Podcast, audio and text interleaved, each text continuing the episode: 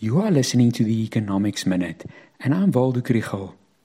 With last week's repo rate decision and the investment conference, there were some economic indicators that I did not talk about. Today, I want to do a quick roundup of what we missed.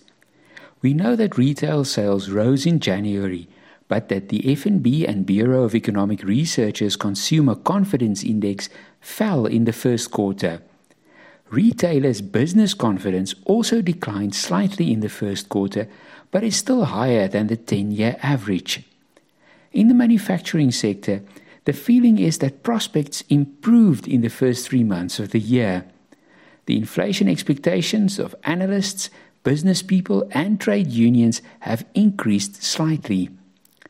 The downside risks that negatively affect all of this are the war in Ukraine and the impact that it could have on fuel prices, food prices, and ultimately interest rates. Considering the risks, it is interesting that the Monetary Policy Committee increased their forecast of economic growth for 2022 from 1.7% at their January meeting to 2%. They argue that household spending provides support to the economy and that mining in particular will benefit from high prices of the commodities that we export. We must hope that they are right.